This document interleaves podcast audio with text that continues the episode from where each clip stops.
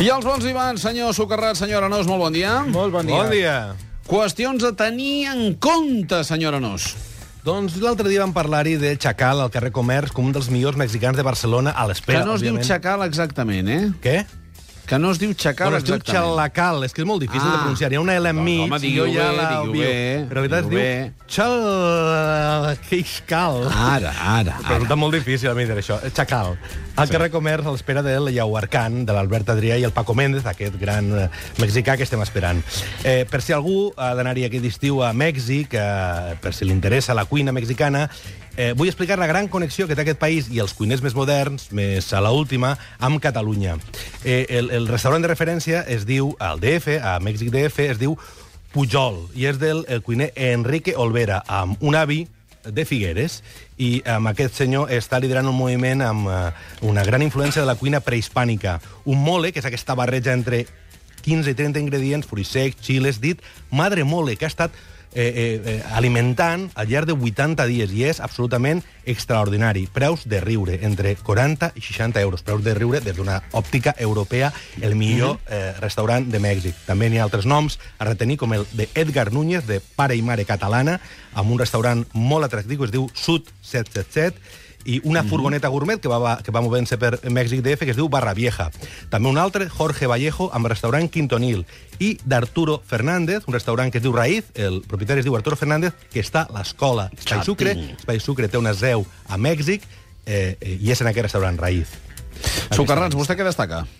Uh, allò que m'agrada fer tant de, de, tant en tant, que són els formatges. Quan trobo un bon formatge del nostre país, el comparteixo amb vosaltres, i en aquest cas us parlo del tou de la Casa Mateu de Surp. És un formatge d'ovella, de pasta tova, uh, madurat, o sigui, aporta, quan arriba al mercat, doncs, uh, unes setmanes a anar-se coent, per dir-ho d'alguna manera, i mm, pels amants dels formatges, que, perquè el puguin identificar, que sàpiguen que s'assembla molt al Sant Marcelén, un dels formatges eh, fa famosíssims francesos, no? És un formatge aquests que té una crosta eh, blanca, florida, una mica gruixuda, que sota hi s'hi amaga una pasta que és carnosa però també tova, que si se serveix al punt eh, que estigui allò amb un punt desfet pot arribar a ser gairebé líquida, i és la manera mm, bueno, de menjar-se-la amb més plaer, mm, untant-la, si voleu, sobre alguna torradeta de, de pa que ha de ser bo, eh? no, no aquestes torradetes que arriben eh, prefabricades dels, dels supermercats, i llavors té un gust molt delicat, més, més aviat eh, dolç que, que àcid, per dir-ho d'alguna manera. Àcid és, no, no és un formatge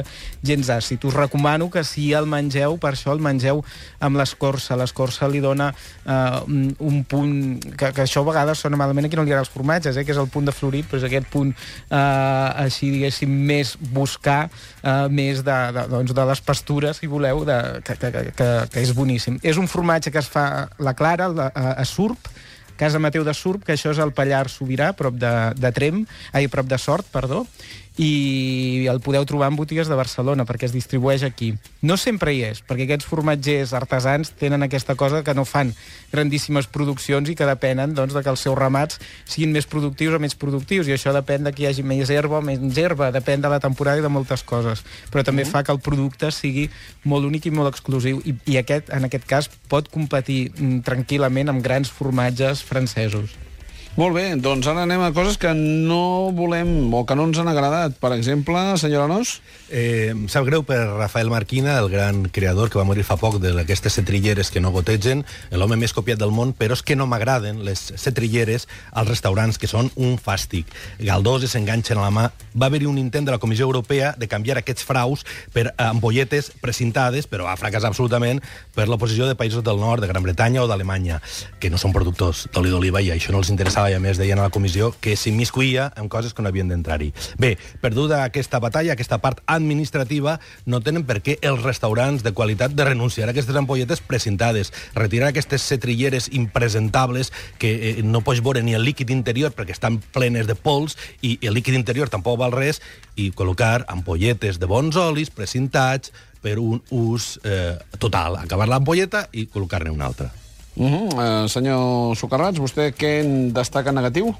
Uh, una altra, o sigui, ha tornat una moda d'una cosa que a mi m'horroritza bastant, que té diversos noms, un dels quals pot ser sopars a cegues. És a dir, invents d'aquests que fan, que a més a més, a segons quins llocs et fan pagar moltíssims calés. L'últim que em va arribar va ser aquí al casino a Barcelona fa, fa unes setmanes, que és menjar amb els ulls empanats o amb el llum apagat, amb un suposat intent de que, eh, sense el sentit de la vista, estimulis tots els altres, i això acaba sent un atabalament. O sigui, jo no entenc la cuina sense veure el que estàs menjant, perquè també és una part de l'experiència culinària, uh, i home, doncs, si podem veure, doncs veiem-ho, no?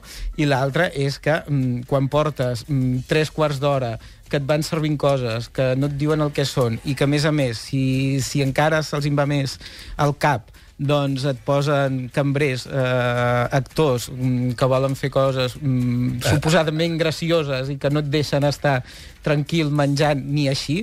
Però les cegues, ni els veus, tampoc. Ni els veus, ni els veus. Però jo, jo, jo he, he patit això dos cops per culpa de la meva inconsciència. Ja, eh, el primer ja va ser fa temps, em van aixecar amb la cadira i tot, i em si volia sortir a ballar, i deixi'm tranquil, deixi'm menjar, que tampoc era res de l'altre món, tot s'ha de dir. Mm -hmm. I, Digues, digues.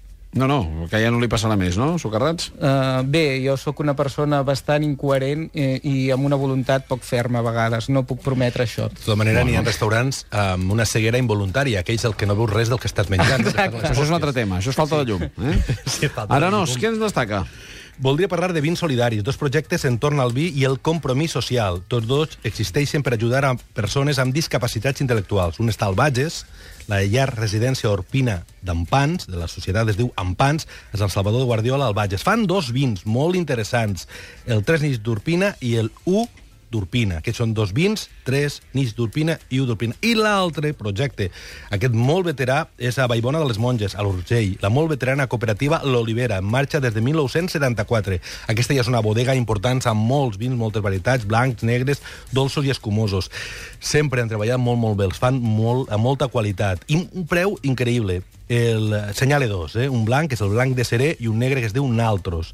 Uh -huh. uh, uh, el més important de tots dos uh, compromisos és que els productes són bons. No s'han no de comprar per caritat, s'han de comprar perquè elaboren de nassos. Per qualitat, socarrats. Si, si puc afegir una mica el que ha dit ara el Pau, a banda d'adherir-me a les seves recomanacions, també la tasca que està fent en Pans en, en l'àmbit gastronòmic, és, eh, ara mateix estan col·laborant molt directament amb Nando Jovany en el restaurant de, en un restaurant al centre de Manresa, també portat per persones mm, amb un projecte d'integració social molt interessant i amb la intenció de fer mm, menjar molt bon aquest restaurant.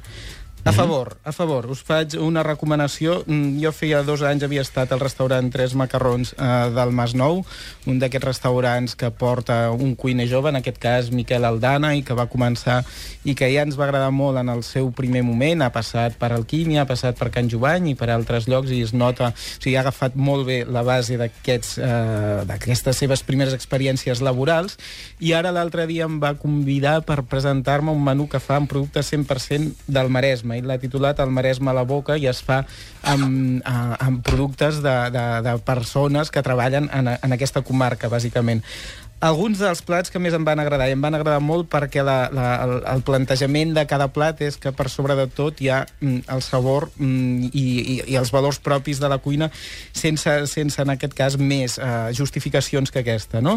Em va agradar molt la sopa de tomàquet amb síndria, a la brasa i al fàbrica. Veiem aquí ja que hi ha tècniques que ha incorporat d'altres grans cuiners com Ferran Adrià. Em va agradar moltíssim l'amanida de mongeta tendra, tomàquet i oliva negra amb bonítol marinat amb soja. Boníssima. Uh, I després els arrossos, que és un dels cuiners a tenir en compte per, per la seva boníssima tècnica de l'arròs, segurament apresa a Can Joany, que també és un lloc um, interessantíssim. Això ens va fer un arròs amb gambes i mongeta tendra, que mm. no és el garrofó valencià, però tindria un nom. Molt bé. Bueno, no. Vinga. No, no, no, no, no, no, no, el garrofó no és la mongeta no, tendra, no. El, el, la, la, la garrofó mongeta... és uh, aquesta garrofa, aquesta mongeta blanca, Sí, sí, sí. eh, gruixuda i que és seca i que, i que És s'ha la d'hidratar bajoca. bé, sí. És la bajoca, la mongeta. Vinga, una última en contra per acabar Arenós i després Sí, Socarrats. eh, Comiols, eh, és una, una baixa, un tancament. Eh, per sort tenim moltes altes, molts restaurants cobren, però també restaurants interessants que van desapareixent. Aquest era el restaurant de Quim Hernández, que també va ser propietari del Folker. Eh, Comiols estava al carrer Madrazo, i recorda platja excel·lents del Quim, com la patata amb formatge brí i botifarra del Folquer, el restaurant anterior, increïble, o el lluç al vapor amb gamba i palamós a Comiols. I ara està a Hong Kong, Hong Kong, tota Àsia, la, tota la part de Xina, està traient a molts cuiners catalans que estan fent una segona fortuna buscant noves oportunitats. Eh, no m'agrada, no sols el tancament d'això, sinó que, per exemple, si entres a la web del TripAdvisor, aquest restaurant, com tants altres, segueixen oberts. Aquestes webs tan consultades, ningú les vigila? Ningú està al cas dels restaurants? Quina classe de servei és aquest que està fet mm. a mitges? Socarrats, última. doncs, per queixar-me mm, d'aquestes uh, aquests uh, guarniments, aquestes guarnicions inútils dels plats d'alguns cuiners, en aquest cas concret, quan et serveixen una cosa amb una brutxada de qualsevol salsa que s'asseca en el plat, que no la pots degustar, que està allà portant color i res més. Jo penso que el que es posa en un plat s'ha de poder degustar. Doncs ho deixem aquí perquè tenim a la Trova Kung Fu, hem estrenat el seu disc en primícia a primera hora del matí i ara els tenim amb nosaltres, presentant-nos aquest Santa Alegria en res, un minut al matí de Catalunya Ràdio.